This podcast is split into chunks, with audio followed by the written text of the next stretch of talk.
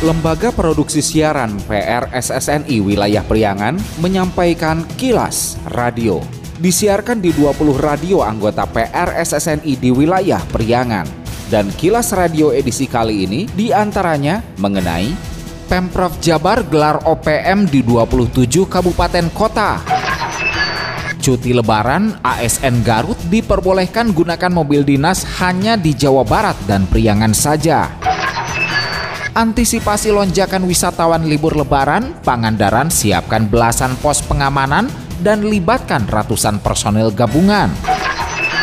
Pendengar, inilah kilas radio selengkapnya. Kilas Radio. Kilas Radio. Kilas Radio. PR SSNI Jabar Wilayah Priangan. Pemprov Jabar melalui Dinas Perindustrian dan Perdagangan di Sperindag mengadakan operasi pasar murah OPM dengan menyediakan bahan-bahan kebutuhan pokok masyarakat di 27 kabupaten kota di Jawa Barat. Kepala Bidang Industri AKTA di Sperindag Jabar Arif Muhammad mengatakan Pemprov mengalokasikan dana sebesar 13 miliar rupiah untuk OPM 2022 dengan barang-barang kebutuhan pokok terdiri di antaranya beras premium, minyak goreng kemasan, gula kristal, dan tepung terigu. Arif saat OPM di Kecamatan Langensari, Kota Banjar Minggu 24 April menyebut OPM telah ada sejak tahun 2012 namun sempat terhenti lantaran terjadi pandemi COVID-19 pada 2020-2021. Menurutnya, Kota Banjar mendapat subsidi OPM sebesar 262 juta 377.800 rupiah dengan per paketnya seharga 83.800 rupiah. Kota Banjar itu 262 juta 377.800. Nah itu untuk total bantuan. Satu paketnya subsidinya sebesar 83.800. Harapannya dengan adanya kondisi pandemi yang sudah mulai menurun, diharapkan pertumbuhan ekonomi di Jawa Barat khususnya Kota Banjar ini lebih meningkat dari sebelumnya. Wali Kota Banjar ADUU Sukaisi yang turut hadir di lokasi OPM Kecamatan Langensari mengucapkan terima kasih kepada Pemprov Jabar. Insya Allah ini sangat-sangat bermanfaat, berguna untuk masyarakat yang membutuhkan. Dalam masa sulit ini, Hatunuhun Pak Gubernur peduli terhadap kita semua. Walaupun kita terus-menerus ada kegiatan-kegiatan ini ya, tapi Hatunuhun Bu, untuk Banjar berapa kekuatan. 3.131 paket 3.000 dibeli 83.800 jadi 50% disubsidi oleh pemerintah provinsi. Masih informasi terkait di Garut, Dinas Perindustrian dan Perdagangan di Sperindag Provinsi Jawa Barat menyalurkan paket sembako murah secara simbolis di Sukaregang Liter Center Garut Kota Minggu 24 April. Kepala Dinas Perindustrian Perdagangan Energi dan Sumber Daya Mineral di Sperindag ESDM Garut Nia Gania Karyana menyebut OPM sebenarnya rutin digelar namun dalam pelaksanaannya tetap bergantung kepada anggaran yang ada. Menurut Karyana, Garut mendapat sekitar 7.000 paket sembako yang telah disubsidi dan akan disalurkan di empat kecamatan. Ucapan terima kasih dan penghargaan kepada pemerintah Provinsi Jawa Barat yang telah memberikan dukungan sehingga daya beli masyarakat bisa terbantu. Ada empat kecamatan yang menerima bantuan ini. Nah itu disampaikan ke kecamatan, kecamatan disampaikan ke masing-masing kepala desa atau kelurahan, lurah disampaikan ke RW. Nanti mempergunakan kupon karena bagaimanapun kupon ini akan menjadi salah satu bentuk pertanggungjawaban. Nah sehingga titik-titik salurnya berada di RW seperti halnya di sini nih di kelurahan Kota Wetan gitu. Kadis Perindag Provinsi Jawa Barat, Yendra Sofyan memaparkan pihaknya tahun ini menganggarkan sebesar 15 miliar rupiah, di mana 13 miliar rupiah untuk mensubsidi bahan pokok yang didistribusikan, sisanya digunakan untuk mensubsidi minyak goreng curah yang didistribusikan melalui program Pemirsa Budiman alias pemesanan minyak goreng via aplikasi Sapa Warga buat ibu-ibu di mana-mana. 13 miliar untuk bahan pokok yang ini, kemudian 2 miliar untuk yang pemirsa budiman khusus minyak goreng curah. Nah untuk yang bahan pokok ini ada 4 jenis bahan pokok yaitu beras 5 kilo, tepung terigu 2 kilo, gula pasir 2 kilo, dan minyak goreng kemasan 2 liter. Kira-kira subsidi yang kita berikan adalah 52 persen, sehingga mereka bisa membeli sekitar 80.700 per paket. Masih informasi dari Garut. Bupati Rudi Gunawan memperbolehkan para aparat sipil negara ASN di lingkungan Pemkab Garut gunakan mobil dinas selama masa cuti hanya di Jawa Barat. Bupati saat di Pamengkang, Garut Kota, Minggu 24 April mengungkapkan meski tidak banyak pegawai negeri sipil PNS di Pemkab Garut yang melaksanakan mudik, pihaknya memperbolehkan penggunaan mobil dinas selama masa cuti hanya untuk wilayah Priangan atau Jawa Barat saja. Ditegaskannya, jika mau ke tempat lain, harus ada izin dulu dari pihaknya. ASN cuti itu boleh mudik ke mana pun, tapi di Garut kebanyakan yang cuti itu ya dia juga memberitahukan kalau ada yang keluar kota. Jadi mengenai kendaraan dinas panjang digunakan di Garut dan Priangan Jawa Barat itu boleh saja. Ya kalau mau ke yang tempat lain kan harus ada izin dulu dari kita, kemudian bagaimana, apakah dia tidak punya kendaraan lain dan sebagainya ya. Untuk Jawa Barat kan ke Tasik, orang Garut mana PNS Garut nggak ke mana-mana. Ya nggak kebanyakan PNS Garut nggak ke mana-mana. Nggak ada yang liburan lah kok. Ya, kita juga hanya ke orang tua saja sekarang udah makan kan ke orang tua misalnya ke Ciamis, ke Tasik, ya ke Kabupaten Bandung, ke Kota Bandung gitu kan ya itu itu aja lah. Kilas Radio. Kilas Radio. Kilas Radio. PR SSNI Jabar Wilayah Priangan. Musim hujan telah tiba. Waspadai kawasan sekitar Anda yang berpotensi rawan bencana alam, longsor, banjir, angin puting beliung, dan lain-lain. Siagakan diri kita setiap saat, setiap waktu untuk meminimalkan korban jiwa. Tingkatkan siskamling antar warga. Segera komunikasikan dengan pihak terkait bila ada tanda-tanda awal potensi bencana alam. Iklan layanan masyarakat ini dipersembahkan oleh Kilas Radio. Bila Anda mendapatkan hal-hal atau peristiwa penting untuk diliput oleh tim Kilas Radio, hubungi hotline servis kami, SMS atau WA ke nomor 0813 2424 5911 0813 2424 5911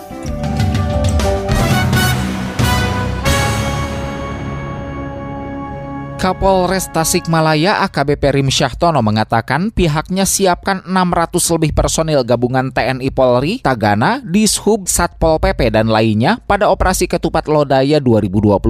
Rim Syahtono bersama Forum Komunikasi Pimpinan Daerah Forkopimda Kabupaten Tasikmalaya saat meninjau kesiapan pos pelayanan dan penyekatan Lebaran 2022 di Tapal Kuda Salawu dan Jalan Raya Cikunir Singaparna menyebut pihaknya juga sudah siapkan rekayasa lalu lintas apabila terjadi terjadi kemacetan. Ia juga himbau masyarakat waspada dan menjaga keamanan lantaran jelang hari raya kriminalitas meningkat. Biasanya mau lebaran tuh tingkat kriminalitas tinggi, lebih ke faktor ekonomi. Insya Allah akan kami pantau terus, adakan banyak patroli sehingga mengurangi niat dan kesempatan bagi siapa pun untuk berbuat kejahatan. Salah satu titik kemacetan kan Singaparna, terus lagi Pecikirai ini sudah dipetakan juga kira? Sudah, jadi nanti kalau akan dinilai kalau misalkan nanti ada kemacetan langsung di, diadakan rekayasa lantas. Rekayasa lantas ya Bupati Tasikmalaya Ade Sugianto mengatakan operasi Ketupat Lodaya 2022 sejatinya kegiatan tahunan, namun pelaksanaan dua tahun terakhir lebih ekstra dari biasanya karena masa pandemi COVID-19. Menurutnya, operasi bukan hanya menjaga kelancaran dan kenyamanan pemudik, tetapi lebih pada upaya menyelamatkan publik. Pasalnya, dua tahun mereka tidak pulang. Memerlukan kesiapan dari kita semua. Kami pemerintah daerah insya Allah sedapat mungkin membantu Pak Kapolres beserta seluruh jajaran. Saya harapkan juga dan termasuk barusan dari Pak Kapolri agar seluruh stakeholder bisa sinergitasnya bisa, terbangun dengan baik. Yang kedua, di samping masalah keamanan, kenyamanan, ketertiban, kelancaran dari mudik ini pun masalah kesehatan ini tidak kita abai.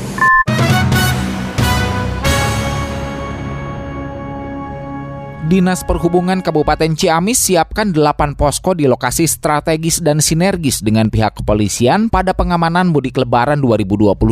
Kepada reporter Andik ST, Sekretaris Dinas Perhubungan Kabupaten Ciamis Ahmad Yani mengatakan, tak hanya posko, pihaknya juga siapkan dua rest area yang bisa dimanfaatkan masyarakat pemudik saat perjalanan. Menurut Yani, penyiapan posko dan rest area itu untuk memberikan rasa aman dan nyaman bagi para pemudik sehingga selama lebaran berjalan lancar dan tanpa gangguan. Ditambahkannya, guna memantau pergerakan arus lalu lintas, sejumlah titik lokasi juga telah dipasangi kamera CCTV. Kami menyiapkan 8 posko di beberapa tempat yang strategis dan sinergis dengan unsur kepolisian. Fungsinya untuk memberikan rasa aman, nyaman kepada para pemudik dan ada dua titik rest area yang kita siapkan. Dan juga untuk pemantauan arus lalu lintas, kita siapkan kamera CCTV juga untuk bisa melihat kondisi lalu lintas yang ada. Posko utama itu adalah di X Jembatan Timbang, Sinang Rasa, kemudian di Sinangkasi, Ciaur Buti, kemudian di Cisaga,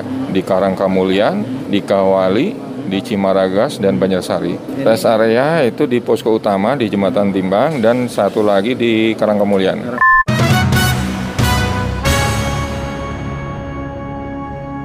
Bupati Pangandaran JJ Wiradinata menargetkan pelaksanaan mudik dan balik di wilayahnya bisa berjalan dengan baik termasuk kunjungan wisata bisa berjalan lancar dan tidak terjadi klaster COVID-19. JJ usai apel gelar pasukan operasi ketupat Lodaya 2022 dalam rangka pengamanan Hari Raya Idul Fitri 1443 Hijriah di alun-alun Paamprokan Pamugaran Pantai Barat Pangandaran akhir pekan lalu menyatakan karena mudik dan liburan Hari Raya kali ini adalah yang pertama setelah setelah dua tahun terakhir, apalagi objek wisata di Pangandaran sudah dibuka 100% karena berada di level 1 PPKM Jawa dan Bali, maka kesiapan pengamanan sangat diperlukan. Menurutnya, untuk kesiapan protokol kesehatan di objek wisata saat liburan perayaan Hari Raya Idul Fitri 2022 mutlak tetap dilakukan. Sinergisitas antara polisi dengan TNI dan pemerintah Kabupaten Pangandaran dan masyarakat.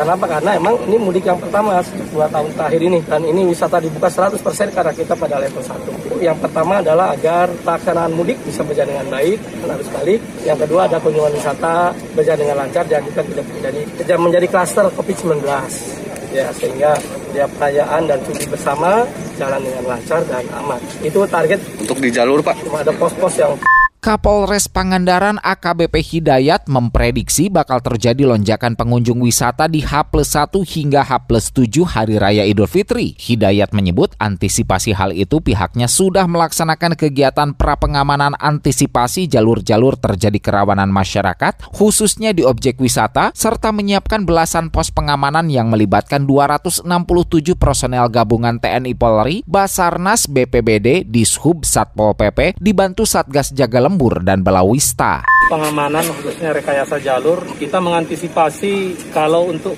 wilayah Pangandaran, Kabupaten Pangandaran sendiri karena ini daerah wisata, kemungkinan lonjakan akan berada di H plus 1 sampai H plus 7. Nah, antisipasinya adalah kami sudah melaksanakan kegiatan pra pengamanan, di mana di situ kita melaksanakan tactical floor game, antisipasi jalur-jalur yang kira-kira nantinya pada saat perayaan eh, H plus 1 sampai H plus 7 itu terjadi kerawanan-kerawanan yang ada di masyarakat khususnya di daerah wisata. Sudah ada tergelar pospam dan posyan sejumlah 17 dan satu pos terpadu. Kilas Radio. Kilas Radio. Kilas Radio. PR SSNI Jabar Wilayah Priangan. Sekian Kilas Radio. Saya Dido Nurdani beserta tim Kilas Radio Priangan. Salam PRSSNI. Kilas, Kilas. Kilas. Radio.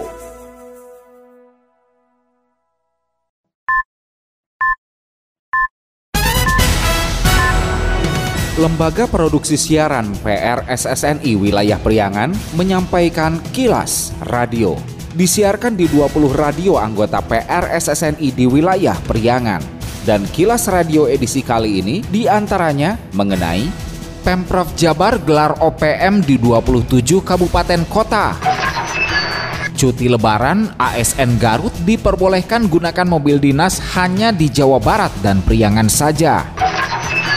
Antisipasi lonjakan wisatawan libur lebaran, Pangandaran siapkan belasan pos pengamanan dan libatkan ratusan personel gabungan.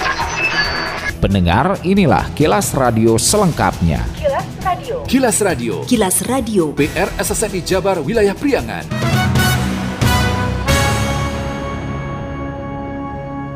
Pemprov Jabar melalui Dinas Perindustrian dan Perdagangan di Sperindag mengadakan operasi pasar murah OPM dengan menyediakan bahan-bahan kebutuhan pokok masyarakat di 27 kabupaten kota di Jawa Barat. Kepala Bidang Industri AKTA di Sperindag Jabar Arif Muhammad mengatakan Pemprov mengalokasikan dana sebesar 13 miliar rupiah untuk OPM 2022 dengan barang-barang kebutuhan pokok terdiri di antaranya beras premium, minyak goreng kemasan, gula kristal, dan tepung terigu. Arif saat OPM di Kecamatan Langensari, Kota Banjar Minggu 24 April menyebut OPM telah ada sejak tahun 2012 namun sempat terhenti lantaran terjadi pandemi COVID-19 pada 2020-2021. Menurutnya, Kota Banjar mendapat subsidi OPM sebesar Rp262.377.800 dengan per paketnya seharga Rp83.800.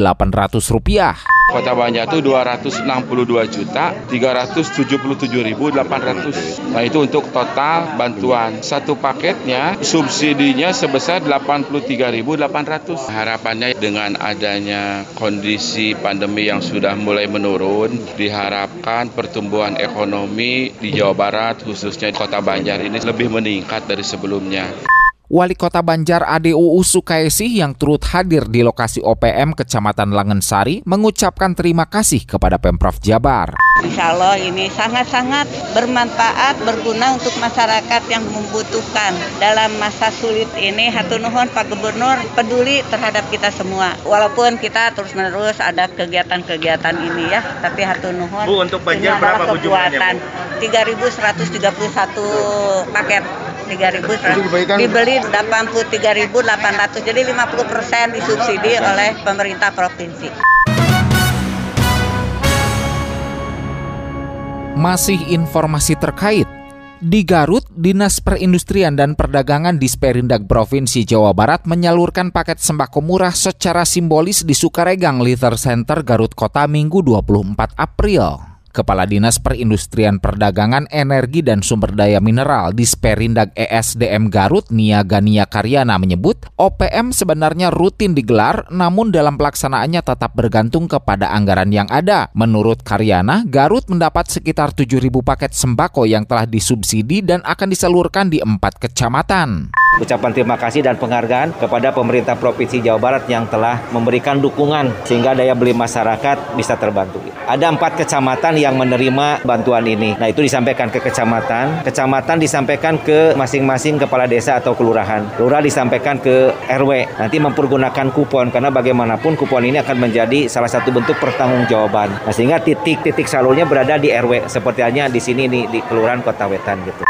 Kadis Perindag Provinsi Jawa Barat, Yendra Sofyan memaparkan pihaknya tahun ini menganggarkan sebesar 15 miliar rupiah, di mana 13 miliar rupiah untuk mensubsidi bahan pokok yang didistribusikan, sisanya digunakan untuk mensubsidi minyak goreng curah yang didistribusikan melalui program Pemirsa Budiman alias pemesanan minyak goreng via aplikasi Sapa Warga buat ibu-ibu di mana-mana. 13 miliar untuk bahan pokok yang ini, kemudian 2 miliar untuk yang pemirsa budiman khusus minyak goreng curah. Nah untuk yang bahan pokok ini ada 4 jenis bahan pokok yaitu beras 5 kilo, tepung terigu 2 kilo, gula pasir 2 kilo, dan minyak goreng kemasan 2 liter. Kira-kira subsidi yang kita berikan adalah 52 persen, sehingga mereka bisa membeli sekitar 80.700 per paket.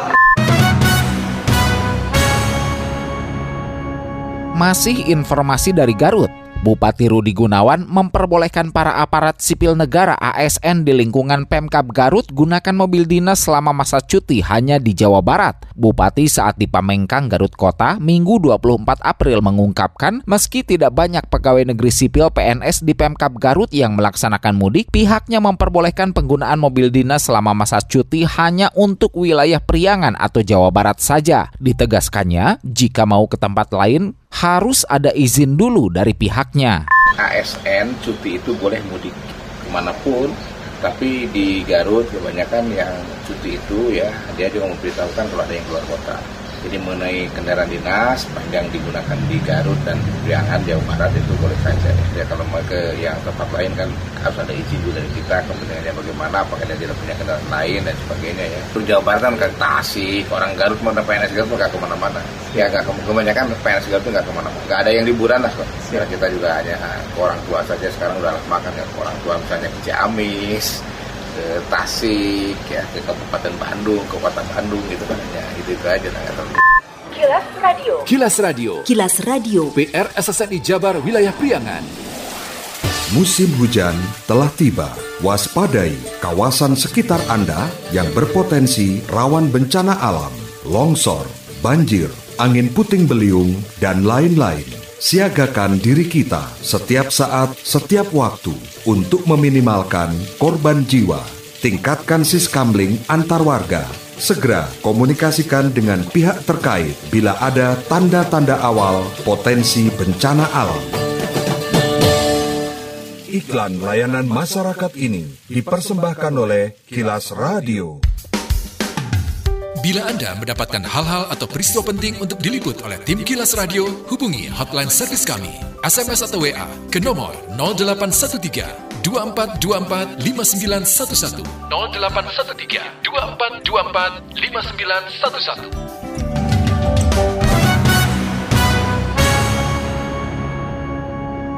Kapolres Tasikmalaya AKBP Rim Syahtono mengatakan pihaknya siapkan 600 lebih personil gabungan TNI Polri, Tagana, Dishub, Satpol PP dan lainnya pada operasi Ketupat Lodaya 2022.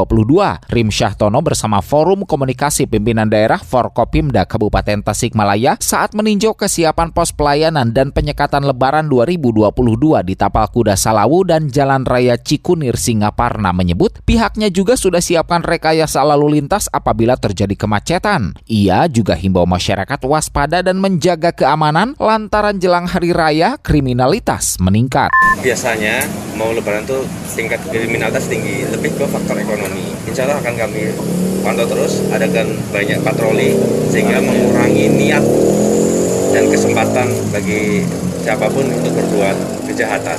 Salah satu titik kemacetan kan Singaparna, terus lagi ke Cikirai ini sudah dipetakan juga kira? Sudah. Jadi nanti kalau akan dinilai kalau misalkan nanti ada kemacetan langsung di, diadakan rekayasa lantas. Rekayasa lantas ya.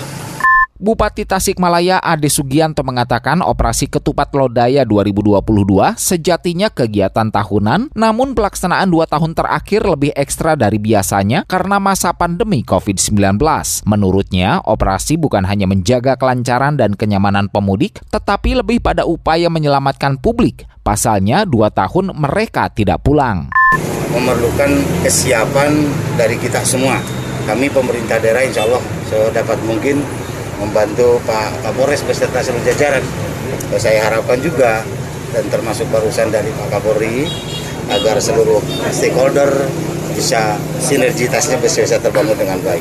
Yang kedua, di samping masalah keamanan, kenyamanan, ketertiban, kelancaran dari mudik ini pun masalah kesehatan ini tidak kita abaikan.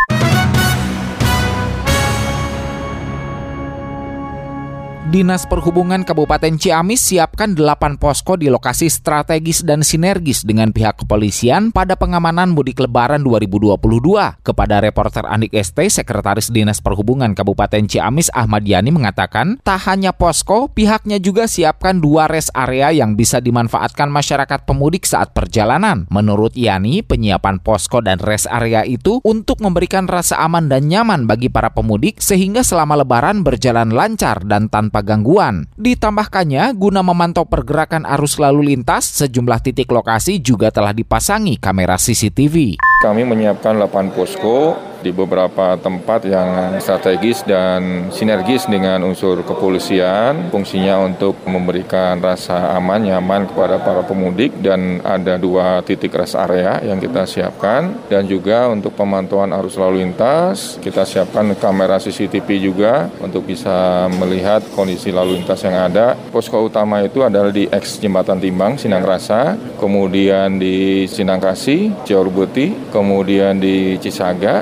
di Karangkamulian, di Kawali, di Cimaragas dan Banjarsari. Rest area itu di posko utama di Jembatan Timbang dan satu lagi di Karangkamulian.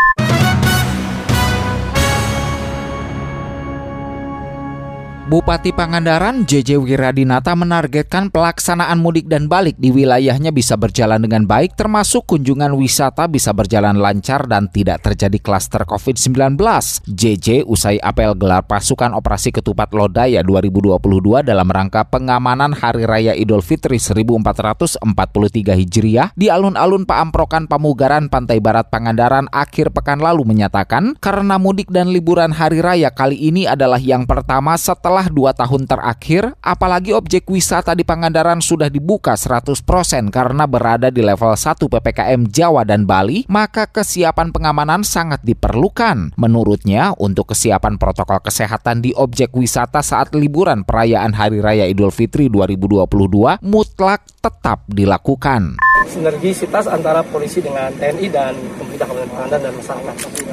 Karena apa? Karena emang ini mudik yang pertama dua tahun terakhir ini dan ini wisata dibuka 100% karena kita pada level 1. Yang pertama adalah agar pelaksanaan mudik bisa berjalan dengan baik dan harus balik. Yang kedua ada kunjungan wisata berjalan dengan lancar dan juga tidak menjadi tidak menjadi klaster COVID-19 ya sehingga dia perayaan dan cuti bersama jalan dengan lancar dan aman. Itu target untuk di jalur Pak. Cuma ada pos-pos yang Kapolres Pangandaran AKBP Hidayat memprediksi bakal terjadi lonjakan pengunjung wisata di H plus 1 hingga H plus 7 Hari Raya Idul Fitri. Hidayat menyebut antisipasi hal itu pihaknya sudah melaksanakan kegiatan pra-pengamanan antisipasi jalur-jalur terjadi kerawanan masyarakat, khususnya di objek wisata, serta menyiapkan belasan pos pengamanan yang melibatkan 267 personel gabungan TNI Polri, Basarnas BPBD, Dishub Satpol PP, dibantu Satgas Jaga Lembur dan Belawista. Pengamanan khususnya rekayasa jalur, kita mengantisipasi kalau untuk wilayah Pangandaran, Kabupaten Pangandaran sendiri karena ini daerah wisata, kemungkinan lonjakan akan berada di H plus 1 sampai H plus 7. Nah, antisipasinya adalah kami sudah melaksanakan kegiatan pra pengamanan, di mana di situ kita melaksanakan tactical floor game, antisipasi jalur-jalur yang kira-kira nantinya pada saat perayaan eh, H plus 1 sampai H plus 7 itu terjadi kerawanan-kerawanan yang ada di masyarakat khususnya di daerah wisata.